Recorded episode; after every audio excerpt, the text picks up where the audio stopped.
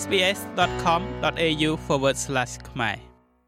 គេរំពឹងថាលោកនាយករដ្ឋមន្ត្រី Scott Morrison នឹងកំណត់ការបរិច្ឆេទសម្រាប់ការបោះឆ្នោតសហព័ន្ធក្នុងពេលឆាប់ៗនេះដែលទោះជាយ៉ាងណាគឺវាមិនអាចប្រព្រឹត្តទៅនៅក្រៅថ្ងៃទី21ខែឧសភានោះទេការស្ទង់មតិបង្ហាញថាបក Labor នាំមុខគេនៅក្នុងការបោះឆ្នោតលើកនេះប៉ុន្តែអ្នកវិភាគនិយាយថាវាពិបាកណាស់ក្នុងការនិយាយថាអ្នកណានឹងឈ្នះនៅក្នុងយប់បោះឆ្នោតនោះ ការបដិឆេទនៃការបោះឆ្នោតសហព័ន្ធនៅមិនទាន់កំណត់នៅឡើយទេប៉ុន្តែវាចាំបាច់ត្រូវតែធ្វើឡើងនៅថ្ងៃទី7ឬថ្ងៃទី14ឬក៏ថ្ងៃទី21ខែឧសភាយោងទៅតាមការស្ទង់មតិចុងក្រោយបំផុតរបស់កាសែតអូស្ត្រាលីដែលបោះពុម្ពផ្សាយនៅថ្ងៃទី4ខែមេសាបក Labor នាំមុខបកចម្រុះក្នុងសម្លេង54ទល់នឹង46%ទៅលើការស្ទង់មតិអំពីគណៈបកដែលគេពេញចិត្ត ហើយនៅក្នុងការស្ទង់មតិពីនាយករដ្ឋមន្ត្រីដែលល្អប្រសើរជាងវិញនោះមេដឹកនាំទាំងពីរគឺទទួលបាននៅការគ្រប់គ្រងប្រដំប្រសងគ្នាដោយលោកនាយករដ្ឋមន្ត្រី Scott Morrison នាំមុខលោក Anthony Albanese ត្រឹមតែមួយពិន្ទុប៉ុណ្ណោះគឺ43ទល់នឹង42%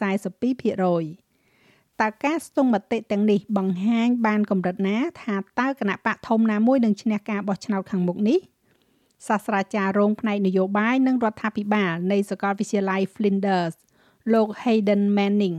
មានប្រសាសន៍ថាការស្ទង់មតិបង្ហាញថាបក Labor នឹងឈ្នះប្រសិនបើការបោះឆ្នោតមួយត្រូវបានធ្វើឡើងនៅពេលនេះ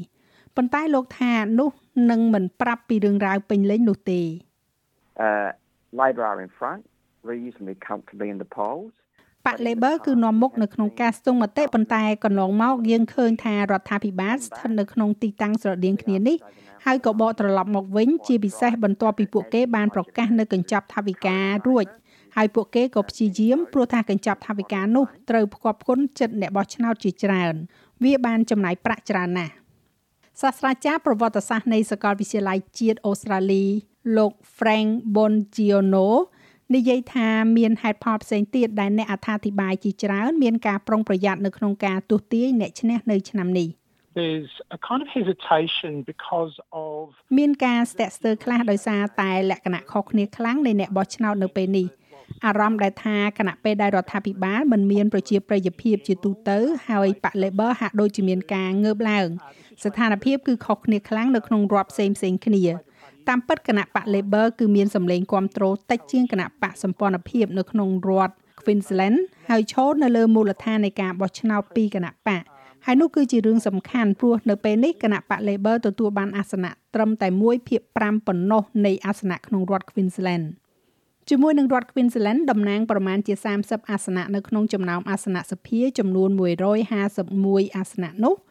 លោក Bongiorno និយាយថាគណៈបក Labor នឹងចាំបាច់ត្រូវបង្កើតរបបកំហើញដ៏ខ្លាំងក្លាមួយ នៅក្នុងរដ្ឋនេះដើម្បីទទួលបាននៅសម្លេងភាគច្រើននៅពេលនិយាយអំពីនាយករដ្ឋមន្ត្រីដែលល្អជាងសាស្ត្រាចារ្យជាន់ខ្ពស់ផ្នែកវិទ្យាសាស្ត្រនយោបាយនៃសាកលវិទ្យាល័យ Queensland លោក Dr. Glenn Calford មានប្រសាសន៍ថាកាលពីអតីតកាលមេដឹកនាំប្រទេសនេះជាធម្មតាស្ថិតនៅក្នុងទីតាំងដែលគេពេញចិត្តច្រើនជាងនេះ ប៉ុន្តែពេលនេះមិនមានករណីបែបនោះទៀតនោះទេ in recent months we've seen Albanese ក្នុងប៉ុន្មានខែថ្មីថ្មីនេះយើងបានឃើញថាលោក Albany ភាពពេញចិត្តរបស់គាត់កើនឡើងហើយគាត់វាដាច់លោក Scott Morrison ក្នុងនាមជានាយករដ្ឋមន្ត្រីដែលប្រជាជនពេញចិត្ត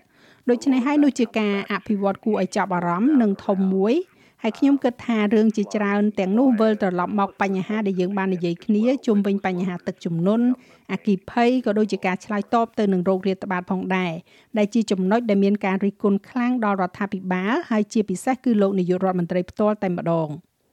ចរិតលក្ខណៈរបស់មេដឹកនាំនីមួយៗបានคล้ายទៅជារឿងសំខាន់ដោយលោក Albanese និងលោក Morrison ទាំងពីរនាក់ប្រឈមមុខទៅនឹងសម្ពាធ ដើម្បីឆ្លើយតបទៅនឹងការចោទប្រកាន់ពីការសម្លុតគំរាមកំហែងឬក៏ហៅថា bully មរណភាពរបស់សមាជិកព្រឹទ្ធសភាបក Labor លោកស្រី Kimberly Kitching នៅក្នុងខែមីនាបាននាំឲ្យមានការចោទប្រកាន់ថាលោកស្រីត្រូវបានមិត្តរួមការងារ bully គឺសមាជិកព្រឹទ្ធសភាលោកស្រី Penny Wong, Christina Kennelly និង Kathy Gallagher ដែលសុទ្ធតែបដិសេធការអះអាងនេះ។ លោក Morrison នៅមុននេះក៏បានចោទប្រកាន់លោក Albany ពីការខកខានមិនបានដោះស្រាយលើការចោទប្រកាន់នេះប៉ុន្តែរូបលោកនាយករដ្ឋមន្ត្រីខ្លួនឯងក៏ត្រូវបានចោទប្រកាន់ពីបទសម្លុតនិងគំរាមកំហែងដោយសមាជិកព្រឹទ្ធសភាបក Liberal Konetta Fierravanti ក្នុងអំឡុងពេលសន្ទរកថាទៅកាន់ព្រឹទ្ធសភាកាលពីសប្តាហ៍មុន លោកស្រី Jackie Lambie និងសមាជិកព្រឹទ្ធសភាបក One Nation លោកស្រី Pauline Hanson ក៏បានគ្រប់គ្រងការអះអាងពីការសម្លុតប៊ូលីដោយលោក Morrison ដែលទាំងអស់នេះលោកក៏បានបដិសេធរួចហើយផងដែរ។ហើយថ្មីថ្មីនេះលោកនាយករដ្ឋមន្ត្រីបានច្រានចោលនៅការអះអាង ដែលថាលោកបានធ្វើការកត់សម្គាល់អវិជ្ជមានអំពីអ្នកដែលមានដើមកំណើតមកពីលីបង់នៃគូប្រជែងមុនពេលជ្រើសរើសឆ្នាំ2007របស់លោកសម្រាប់កៅអីនៅតំបន់ខុក សាស្ត្រាចារ្យរង Manning និយាយថាចរិតលក្ខណៈរបស់មេដឹកនាំគណៈបកទាំងនេះនឹងនៅតែជាប្រធានបទដ៏សំខាន់នៃយុទ្ធនាការបោះឆ្នោត It's unusual for voters to see a វាមិនមែនជារឿងធម្មតាទេសម្រាប់អ្នកបោះឆ្នោតដែលផ្ដោតយកការយកចិត្តទុកដាក់ទៅលើចរិតលក្ខណៈរបស់មេដឹកនាំខ្លាំងដោយដែលលេចឡើងនៅពេលនេះប៉ុន្តែដោយនិយាយថាវាពិតជាអាចទៅរួចនៅពេលដែលយុទ្ធនាការចាប់ផ្ដើមវានឹងផ្ដោតទៅលើបញ្ហាដែលមេដឹកនាំទាំងពីរកំពុងតែព្យាយាមនិយាយថាមែនហើយភាគីម្ខាងទៀតនឹងអស់សង្ឃឹមនៅក្នុងការគ្រប់គ្រងសេដ្ឋកិច្ចហើយយើងនឹងពូកែនៅខាងនោះ ហើយវានឹងមានសំណួរដោយដែលខ្ញុំបានលើកឡើងមុននេះថាតើអ្នកណាអាចធ្វើបានល្អជាងខាងផ្នែកសុខភាពហើយប៉ុណ្ណាស់នឹងលើវិស័យអប់រំជាដើមបញ្ហាបំរែបំរួលអាកាសធាតុបានคล้ายទៅជាកង្វល់ដ៏ធំមួយក្នុងចំណោមអ្នកបោះឆ្នោតជាមួយនឹងភាពខុសគ្នារវាងអ្នករស់នៅទីក្រុងរស់នៅជាយក្រុងនិងនៅតំបន់ជនបទលោក Manning មានប្រសាសន៍ថាលោករំពឹងថានឹងមានយុទ្ធនាការដ៏ខ្លាំងក្លាមួយដោយក្រុមឯករាជ្យជាច្រើន នៅក្នុងកៅអីបក Liberal ដែលការប្រែប្រួលអាកាសធាតុនឹងក្លាយជាចំណុចសំខាន់ហើយមនុស្សមួយចំនួនធំកំពុងតែប្រកាន់យកនៅវិធីសាស្ត្របោះឆ្នោតមុនកាលកំណត់រួមទាំងការបោះឆ្នោតតាមប្រៃសណីដែលតាមទំនៀមទម្លាប់គឺជាវិធីរបស់អ្នកបោះឆ្នោតដែលមានវ័យចំណាស់ចំណាស់និងអ្នកអភិរក្សនិយម។ ការបោះឆ្នោតមុនកាលកំណត់អាចប៉ះពាល់ដល់របៀបដែលគោលនយោបាយសំខាន់សំខាន់របស់គណៈបកនឹងត្រូវបានបង្ហាញនៅដើមដំបូងហើយធ្វើឲ្យវាកាន់តែពិបាកនៅក្នុងការកំណត់ចំនួនចុងក្រោយនៅយប់បោះឆ្នោតដុកទ័រ Cafford មានប្រសាសន៍ថាការបោះឆ្នោតសហព័ន្ធមុនមុននៅក្នុងប្រទេសអូស្ត្រាលីគឺជាការប្រកួតប្រជែងដ៏ប្រកៀកប្រកិតគ្នា ហើយការកើនឡើងនៃការគ្រប់គ្រងសម្រាប់បេក្ខជនឯករាជ្យក៏កំពុងតែចាប់ផ្ដើមផ្លាស់ប្ដូរលក្ខណៈនៃនយោបាយដែលវាមិនមែនសម្រាប់តែគណៈបកធំធំទាំងពីរនេះនោះទេលោកនិយាយទៀតថាវានឹងคล้ายទៅជាបញ្ហាប្រឈមមួយនៅក្នុងការតាក់ទងជាមួយនឹងអ្នកបោះឆ្នោតបន្ទាប់ពីការលាតត្រដាងរបស់អ្នកនាង Britney Higgins ស្ដីអំពីវប្បធម៌នៅក្នុងសភាសហព័ន្ធនិងវិបត្តិទឹកជំនន់ភ្លើងឆេះព្រៃនិងโรគរាតត្បាត many many people are មនុស្សជាច្រើនមានការនឿយហត់យ៉ាងខ្លាំងចំពោះនយោបាយដោយដែលយើងដឹងហើយថាមិនមែនដោយសារអ្វីអ្វីគ្រប់យ៉ាងដែលយើងធ្លាប់ឆ្លងកាត់នោះទេប៉ុន្តែជាការមិនពេញចិត្តជាទូទៅចំពោះផ្នែកផ្សេងផ្សេងនៃលទ្ធិប្រជាធិបតេយ្យអូស្ត្រាលីហើយពួកគេកំពុងស្វែងរកអ្វីដែលប្លែកអ្នកអត្ថាធិប្បាយខ្លះនិយាយថាវាអាចទៅរួចដែលថាការបោះឆ្នោតសហព័ន្ធនេះអាចនឹងមានលទ្ធផលដែលត្រូវព្យួរសភា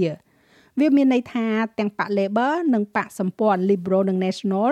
មិនអាចទទួលបាននូវអាសនៈភាគច្រើននៅក្នុងសភាតំណាងរាស្ត្រទេដែលជាសេណារីយ៉ូដែលបានកើតឡើងចុងក្រោយនៅពេលដែលលោកស្រី Julie Gillard របស់គណៈបក Labor ជានាយករដ្ឋមន្ត្រីកាលពីឆ្នាំ2010សាស្ត្រាចារ្យ Bongiorno និយាយថាការកើនឡើងនៃការបោះឆ្នោតសម្រាប់គណៈបកតូចតូចនិងសមាជិកសភាឯករាជ្យអាចធ្វើឲ្យលទ្ធផលคล้ายទៅជាបែបនេះ។ The idea of a hung parliament គំនិតនៃការថានឹងមានការព្យួរសភានោះខ្ញុំគិតថាវាមិនមែនថាมันអាចទៅរួចទាល់តែសោះនោះទេ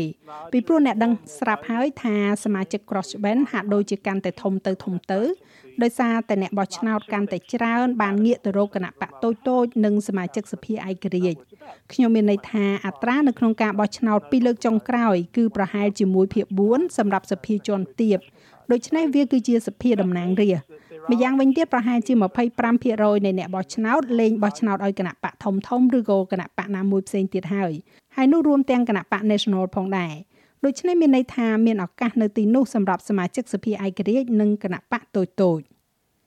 ចាស់ហើយរបាយការណ៍នេះចងក្រងឡើងដោយ Arena Lucente និង Biva Kwan សម្រាប់ SBS News ហើយប្រាយសម្រួលសម្រាប់ការផ្សាយរបស់ SBS ខ្មែរដោយនាងខ្ញុំហៃសុផារ៉ានី